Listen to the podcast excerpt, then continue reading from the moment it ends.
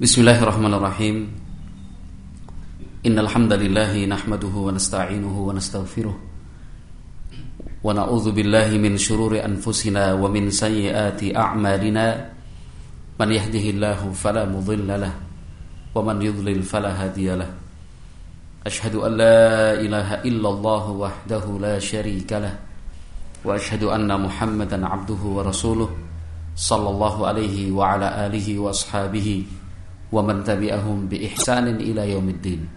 Qala Allah azza wa jal fi kitabihil karim ya ayyuhalladzina amanu taqullaha haqqa tuqatih wa la tamutunna illa wa antum muslimun fa inna asdaqal hadithi kitabullah wa khairal huda huda nabiyyina Muhammadin sallallahu alaihi wasallam wa syarrul umuri muhdatsatuha fa inna kulla muhdatsatin bid'ah wa kulla bid'atin dhalalah wa kulla dhalalatin finnar.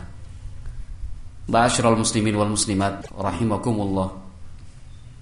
Kenapa di dalam setiap salat pada tiap rakaat kita dirukunkan artinya ditetapkan sebagai sebuah rukun salat untuk membaca surat Al-Fatihah sebuah surat yang di dalamnya terdapat doa. Sehingga kalau dihitung ada belasan kali kita berdoa kepada Allah Subhanahu wa taala dengan doa tersebut yaitu ihdinas siratal mustaqim. Tentunya ada sekian banyak hikmah. Ada beberapa tujuan. Dan salah satu tujuan terbesarnya agar kita selalu berserah diri kepada Allah Subhanahu wa taala agar kita senantiasa mengikatkan diri kepada Allah Subhanahu wa taala. Tanpa pertolongan dari Allah Jalla wa ala, kita tidak akan mungkin bisa melangkah melakukan apa yang kita inginkan. Dan tanpa pertolongan dari Allah Subhanahu wa taala, tidak akan mungkin kita terhindar dari sekian banyak bahaya dan malapetaka. Sehingga hanya dengan pertolongan dari Allah Azza wa maka seorang hamba akan selamat dunia dan akhiratnya. Ya. Surat Al-Fatihah adalah surat yang agung dan memiliki kedudukan penting bagi setiap muslim. Oleh sebab itu rukun hukumnya kita membaca Al-Fatihah. Apabila tidak dibaca dengan alasan apa pun, maka salat yang dikerjakan tidak sah. Apa pun alasannya, entah karena sengaja, tidak sengaja, lupa, tidak tahu, ya, kecuali memang mereka yang betul-betul tidak bisa Di dalam surat Al-Fatihah Allah Subhanahu wa taala menuntun kita untuk membaca doa ihdinas siratal mustaqim. Doa ini ada dua bentuk penafsiran. Ada dua bentuk penafsiran. Penafsiran yang pertama, ya Allah, berikanlah petunjuk hidayah untuk kami guna mengenali jalannya yang lurus, jalan Allah Azza wa yang lurus. Penafsiran yang kedua, ya Allah, tetapkanlah kami di atas jalan yang lurus. Penafsiran pertama adalah permintaan dan harapan dari kita agar dimudahkan oleh Allah Azza wa menemukan jalan yang lurus Penafsiran yang kedua bermakna kita meminta dan berharap kepada Allah Subhanahu wa taala agar diberi istiqomah di atas jalan yang lurus. Dan kedua penafsiran ini saling terikat satu dengan yang lain. Nah, dua penafsiran ini bukan berarti kemudian kita memilih salah satu lalu meninggalkan penafsiran yang kedua. Bukan. Nah, sebagian orang yang tidak memahami hal ini seperti beberapa kelompok dari kalangan orang-orang kafir mereka mempertanyakan kebenaran Islam melalui ayat ini.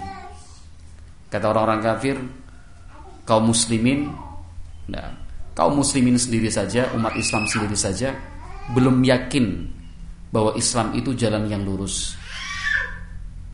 Apa alasan mereka? Lo itu lihat umat Islam tiap kali sholat yang diminta ihdinas siratal mustaqim. Ya Allah tunjukkanlah kami jalan yang lurus. Berarti mereka belum berada di atas jalan yang lurus karena masih terus meminta petunjuk dari Allah wa untuk menemukan jalan yang lurus. Nah, cara menjawab anggapan seperti ini, anggapan dari orang-orang kafir sangatlah mudah. Kita kembalikan kepada dua bentuk penafsiran tadi. Bahwa doa ihdinas siratal mustaqim bukan hanya kita meminta kepada Allah agar diberi kemudahan menemukan jalan yang lurus, tetapi dengan doa tadi kita meminta kepada Allah Subhanahu wa taala agar tetap terus berada di atas jalan yang lurus. Bukan berarti kita ragu dengan kebenaran Islam, bukan karena kita ragu bahwa Islam adalah jalan yang lurus, bukan. Tetapi kita mengakui, meyakini bahwa Islam adalah jalannya yang lurus sehingga kita meminta selalu kepada Allah Subhanahu wa taala agar diberi ketetapan hati istiqomah tetap di atas jalannya yang lurus sampai meninggal dunia nanti. Nah, ma'asyiral muslimin wal muslimat rahimakumullah. Tetap berada di atas jalannya yang lurus sampai pada akhir nanti artinya sampai meninggal dunia bukanlah sesuatu yang mudah. Nah, ini bukan hitung-hitungan matematika. Nah, bukan hitungan hitung-hitungan matematika tetapi semata-mata pertolongan dan taufik dari Allah Subhanahu wa taala. Kenapa? Sebab tidak sedikit mereka yang dulunya Islam kemudian berubah. Islam ditinggalkan murtad sampai kemudian meninggal dunia dalam keadaan murtad. Sebelumnya Islam. Nah, kenapa demikian? Sebab banyak orang yang sebelumnya baik semangat di dalam beribadah tetapi pada akhirnya mengalami penurunan semangat dari yang dulu semangat sampai tidak memiliki semangat sama sekali yang dulunya terdepan memimpin pada akhirnya terbelakang nah, bukan hanya terbelakang tapi kemudian tertinggal jauh nas'alullah as-salamata wal afiyah karena hati manusia itu cepat sekali berubah, berbolak-balik. Maka di dalam istilah Islam hati disebut dengan al-qalb. Al-qalb itu artinya berubah. Artinya berganti. Sampai zat hati itu sendiri dinamakan qalb, berubah-ubah. Maka doa kita yang tidak boleh putus dan tidak boleh kita lewatkan satu hari saja tanpa mengucapkannya adalah doa yang diajarkan oleh Nabi Muhammad sallallahu alaihi wasallam ya muqallibal qulub tsabbit qalbi ala dinik ya Allah wahai zat yang selalu membolak-balikkan hati tetapkanlah hatiku di atas agamamu nah, hati manusia itu begitu lemah masing-masing kita saya yakin sudah bisa merasakan seperti itu cepat sekali berubah-ubah. Dan sekarang benci, nanti berubah menjadi sayang. Kemarin sayang, sekarang betul-betul menjadi benci. Yang tadinya ingin apa namanya marah, dendam dan emosi, dalam hitungan menit hilang itu, tidak berbekas. Nah, yang sebelumnya terlihat akrab, baik, tiba-tiba saja berubah, nah, menunjukkan permusuhan dan kebencian. Nah, terkadang sebabnya tidak diketahui, alasannya tidak ditemukan. Namun itulah kenyataan yang kita rasakan dalam kehidupan sehari-hari. Nah, karena hati sangat lemah, cepat sekali berubah-ubah. Nah, Dan di sinilah arti dari istiqomah. Tetap terus sabar, menjaga amalannya. Nah, semua yang sudah dia kerjakan sebelumnya, yaitu kebaikan-kebaikan itu, ibadah-ibadah itu, tetap berusaha dia bertahankan. Terus, seberapapun sulitnya, bagaimanapun susahnya, tetap dipertahankan. Rasuluna Nabi Muhammad Sallallahu Alaihi Wasallam diceritakan oleh istri-istri beliau. Nabi Muhammad Sallallahu Alaihi Wasallam dahulu apabila beliau sudah memilih atau menetapkan mengerjakan satu bentuk ibadah akan beliau jaga dan tidak akan beliau tinggalkan. Nah, kebaikan itu tidak akan beliau tinggalkan. Pembahas ini terkait dengan apa?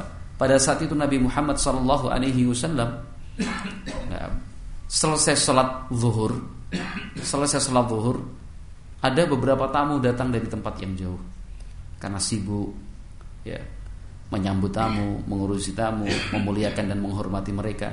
Sampai kemudian tiba waktu sholat asar, Nabi Muhammad Sallallahu Alaihi Wasallam tidak sempat melaksanakan sholat sunnah rawatib setelah zuhur ba'diyah. Nah. Kemudian akhirnya Nabi Muhammad Sallallahu Alaihi Wasallam terlihat melaksanakan sholat sunnah setelah asar melaksanakan sholat sunnah setelah asar ketika itu ditanyakan oleh istri-istri Nabi Shallallahu Alaihi Wasallam Rasulullah Shallallahu Alaihi Wasallam menjawab tadi tamu-tamu itu membuatku sibuk nah, padahal kita sama-sama tahu bahwa tidak ada sholat sunnah ba'diyah setelah asar Kenapa beliau kerjakan? Ternyata bukan karena itu sholat sunnah ba'diyah setelah asar Tetapi untuk mengganti sholat sunnah ba'diyah setelah zuhur Kenapa beliau sampai demikian? Karena Nabi SAW memiliki ketetapan bahwa ibadah apa pun yang beliau kerjakan akan terus dijaga, apa pun bentuknya, bagaimanapun kondisinya. Semangat dari Rasulullah SAW untuk menjaga kebaikan tetap dilaksanakan, walaupun terkadang susah, meskipun kadang-kadang sulit. Nah, ma'asyiral muslimin wal muslimat rahimakumullah ihdinas siratal mustaqim. Nah, memiliki dua arti. Ya Allah tunjukkan kami jalan yang lurus. Karena masih banyak hal, masih banyak hal yang kita kerjakan perlu untuk diluruskan. Entah itu dalam bentuk keyakinan, perbuatan, atau ucapan. Masih banyak hal yang harus diluruskan karena ternyata ini salah, itu keliru, ini bertentangan dengan syariat Islam. Nah, maka kita meminta kepada Allah tunjukkan kami jalan yang lurus. Dan alhamdulillah tidak sedikit kebenaran demi kebenaran yang telah kita ketahui, kita pelajari, kita kenal melalui berbagai macam media, langsung seperti pengajian ataupun tidak langsung melalui bacaan, rekaman dan seterusnya. Alhamdulillah tidak sedikit kebenaran itu telah kita kenal. Maka kita meminta kepada Allah Subhanahu wa taala agar diberi kesabaran, keteguhan, ketetapan hati, ketabahan ya di dalam menjalankan kebenaran-kebenaran tersebut. Itu arti dari ihdinas shiratal mustaqim. Nah, karena hidayah yang kita minta dan hidayah yang kita harapkan melalui doa ini adalah hidayah untuk segala sesuatu, untuk semua bentuknya. Nah, dari hidayatul irsyad dan juga hidayatul taufik.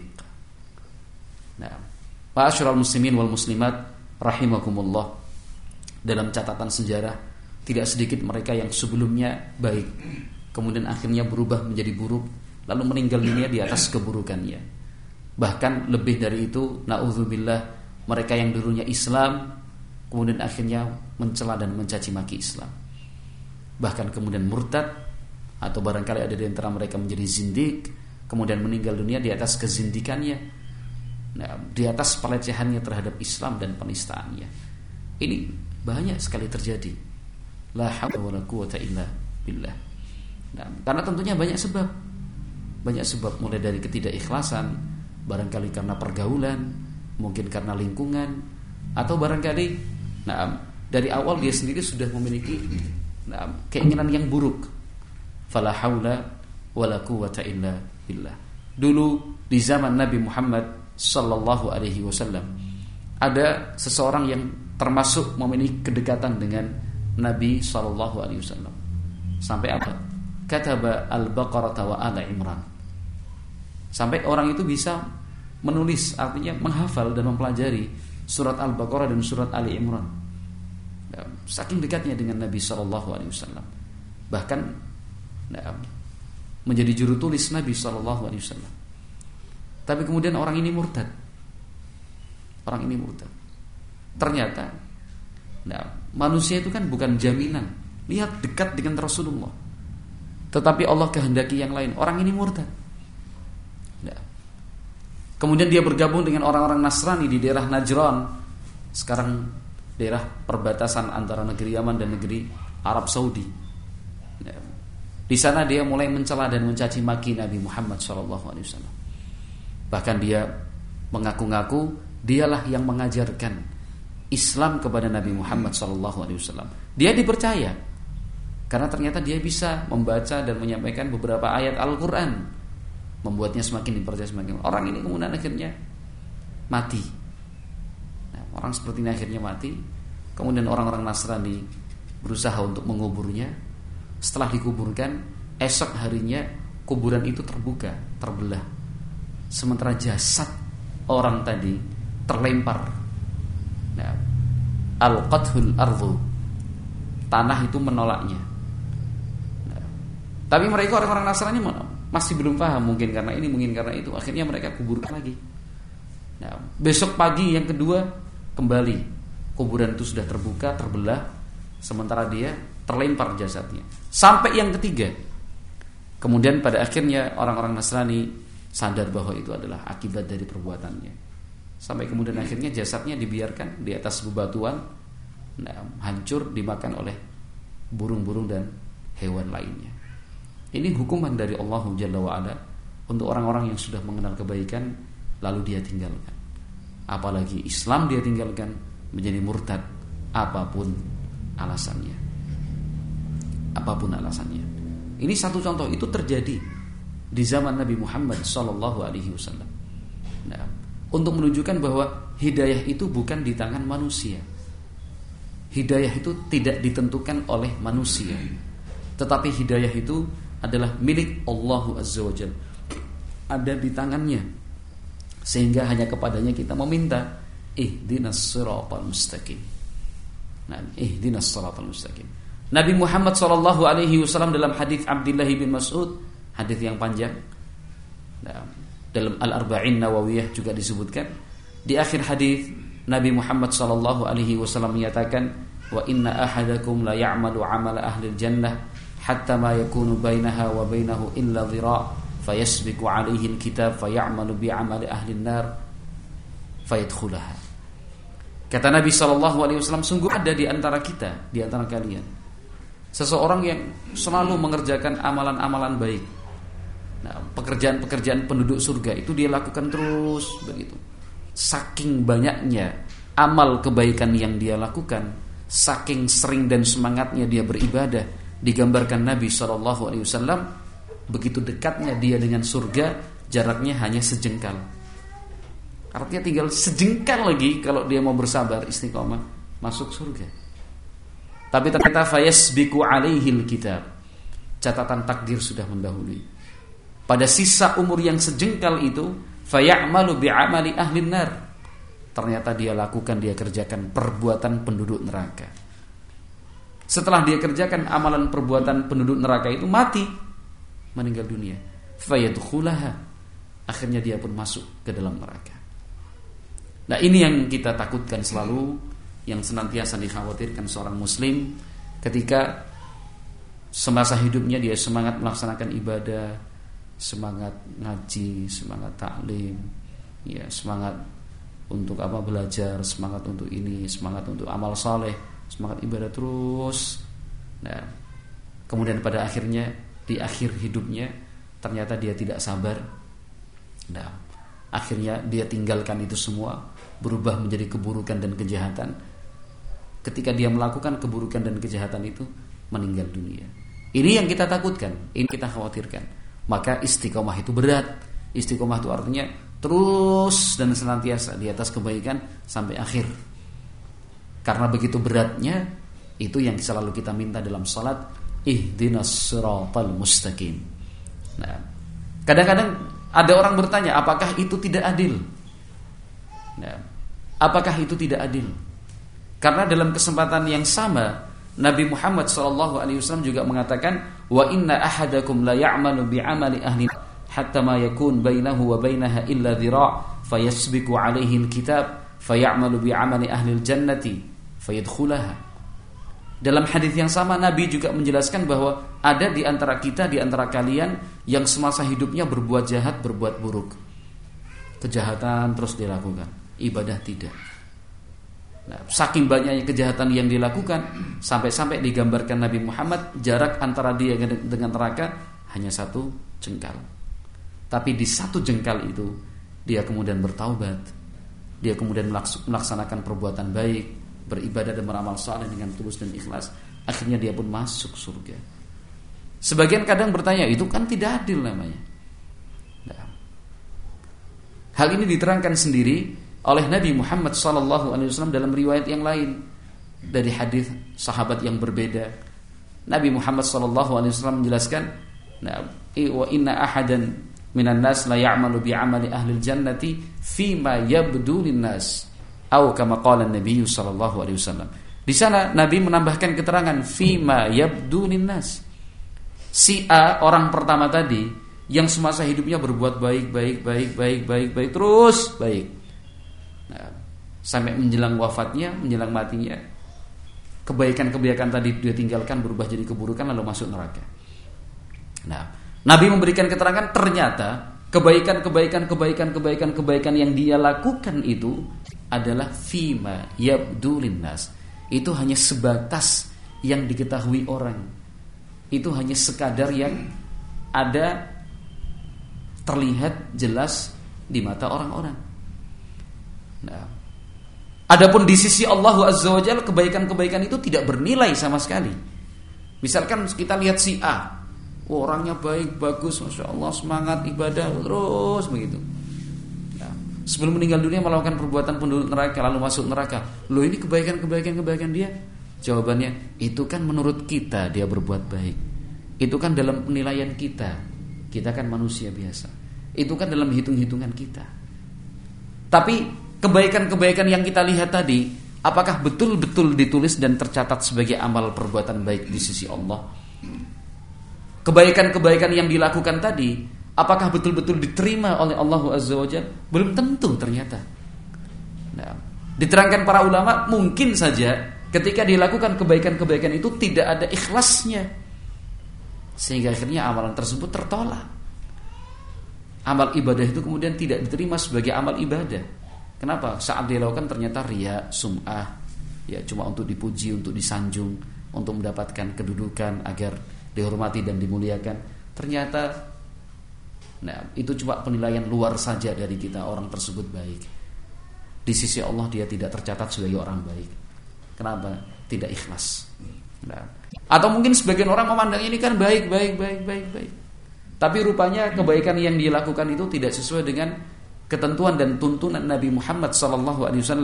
Bagaimana mungkin amal ibadah yang dikerjakan tanpa tuntunan Nabi Muhammad SAW itu akan diterima oleh Allah? Man ahdatha fi amrina hadza ma laysa minhu fahuwa raddun. Nabi sallallahu alaihi wasallam menyatakan barang siapa melakukan sesuatu yang baru ya, dalam urusan agama kami dan itu tidak ada keterangan serta tuntunannya, fahuwa raddun. Maka yang dia kerjakan itu tertolak, tidak diterima oleh Allah Azza wa Nah. Tapi kalau seandainya si A berbuat baik melakukan amalan saleh beribadah dengan dua syarat diterimanya ibadah itu dia lakukan ikhlas dan ittiba kepada sunnah Nabi Shallallahu Alaihi Wasallam. Kebaikan itu betul-betul diterima oleh Allah sebagai kebaikan maka akhir kehidupannya pun akan husnul khatimah insya Allah nah, akan husnul khatimah insya Allah kenapa? Karena akhir kehidupan manusia itu ditentukan dengan apa yang dilakukan semasa hidupnya. Itu ditentukan dengan apa yang dilakukan semasa hidupnya Nah, kalau pada contoh yang kedua si B yang melakukan sekian banyak kejahatan dan keburukan, nah, hidayah Allah itu maha luas, rahmat Allah tidak terbatas. Nah, maka orang tersebut mendapatkan hidayah dari Allah Azza Barangkali dia orang kafir sebelum meninggal dunia dia menyatakan Islam setelah menyatakan Islam langsung meninggal dunia. Allah Maha Kasih. Allah Maha Pemurah. Allah Maha Memaafkan. Allah Maha menerima taubat. Nah, hambanya. Nah, karena Nabi Muhammad alaihi salatu wasallam menyatakan, "Nah, ama alimta anna al-islam yajubu ma qablahu kullah." Hadis Amr ibn al-As riwayat Muslim. Dalam hadis yang panjang, dalam salah satu apa namanya? Dalam salah satunya Nabi Muhammad SAW menjelaskan seperti itu. Apakah kamu tidak mengetahui bahwa Islam itu bisa menghapuskan, menggugurkan semua kesalahan yang dia lakukan sebelumnya, kekafiran-kekafiran dia, dengan mengucapkan dua kalimat syahadat secara tulus dan ikhlas, maka kekufuran-kekufuran yang dilakukan sebelumnya itu pun tertutup dan terhapuskan. Itu keluhuran ajaran Islam. Nah, kemuliaan ajaran Islam sampai seperti itu. Nah, maka Nabi Shallallahu Alaihi Wasallam pernah memberikan keterangan tentang seorang sahabat nah, yang masuk Islam saat pertempuran akan dimulai, bahkan sudah dimulai. Orang tersebut musyrik. Orang itu musyrik. Nah, orang musyrik, orang kafir. Tapi karena keluarga-keluarganya ikut beriman kepada Nabi, terdorong oleh rasa asabiyah, fanatik pada kerabat dan kabilah, Orang itu kemudian ingin membantu kaum muslimin, tapi ditolak oleh Rasulullah Sallallahu Alaihi Wasallam. Kamu tidak boleh membantu kami sebelum beriman. Akhirnya dia beriman mengucapkan dua kalimat syahadat tulus dari dalam hatinya. Orang itu kafir musyrik masuk Islam pas bertempur dengan orang-orang kafir yang saat itu dipimpin oleh Nabi Shallallahu Alaihi Wasallam kaum muslimin para sahabat dipimpin Nabi Shallallahu Alaihi Wasallam. Nah, perang sudah dimulai sudah berkecamuk orang itu baru menyatakan Islam maju meninggal dunia.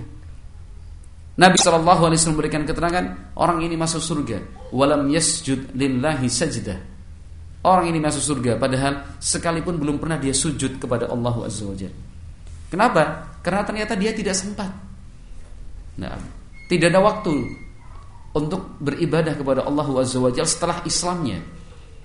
Nah, karena seandainya sahabat tersebut selamat dalam pertempuran itu tidak meninggal dunia, pastilah sahabat itu akan ikut melaksanakan ibadah-ibadah bersama para sahabat yang lainnya dengan dipimpin oleh Rasulullah Shallallahu Alaihi Wasallam. Tapi karena tidak berkesempatan, baru masuk Islam kemudian perang lantas meninggal dunia, maka lam yasjud lillahi sajidah. Orang ini nah, masuk surga tanpa sujud, tanpa pernah sujud sekalipun kepada dan untuk Allah Subhanahu wa taala. Nah, maka sekali lagi ma'asyiral muslimin wal muslimat rahimakumullah pada intinya memang kita harus pasrahkan penuh. Kita serahkan segala sesuatunya kepada Allah Subhanahu wa taala terkait dengan hidayah ini. Maka kita selalu berdoa ihdinas siratal mustaqim. Yang tentunya diikuti dan diiringi dengan usaha nyata dari kita dalam menjaga amal ibadah itu. Semangat dijaga. Bagaimana cara menjaga agar semangat itu tetap ada? Wa bil sabr. Kita saling mengingatkan dan saling mengisi.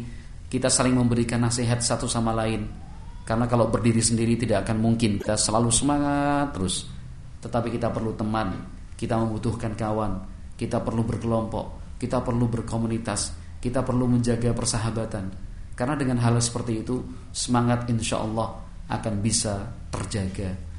Nah, akan lebih terpelihara. Kalau sendiri ingat Nabi Shallallahu Alaihi Wasallam sudah menjelaskan sesungguhnya apa namanya syaitan itu sesungguhnya syaitan itu bersama orang yang sendirian. Nah, kepada yang berdua orang berdua syaitan lebih jauh diberi gambaran oleh Nabi Shallallahu Alaihi Wasallam karena kambing yang diterkam oleh serigala adalah kambing yang sendirian berada di paling belakang.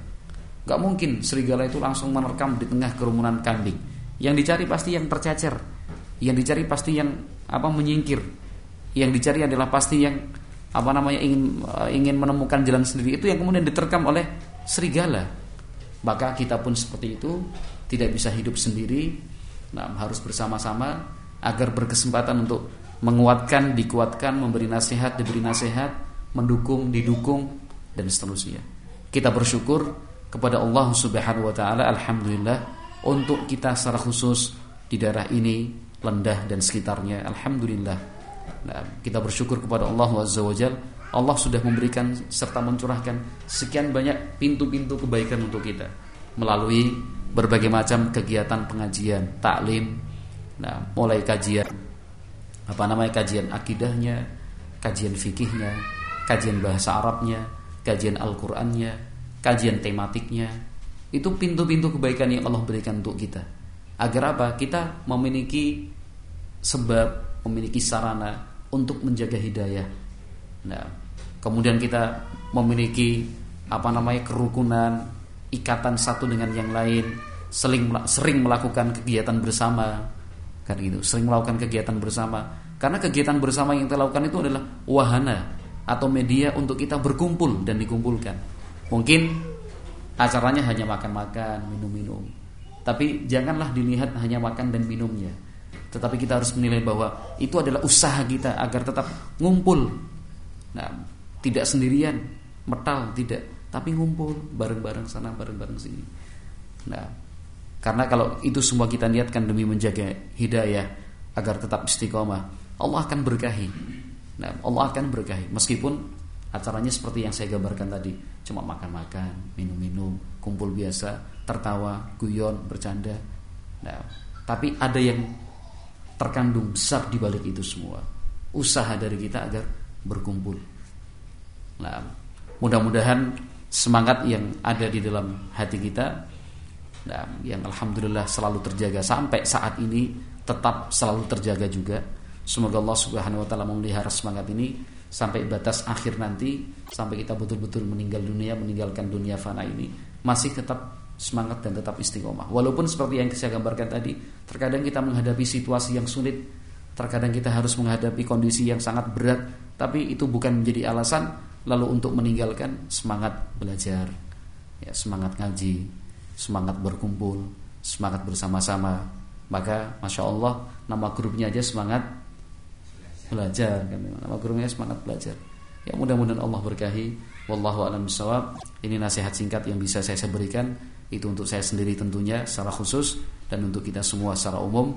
Subhanakallahumma wa bihamdik asyhadu an la ilaha illa anta astaghfiruka wa atubu ilaik. Wassalamualaikum warahmatullahi wabarakatuh.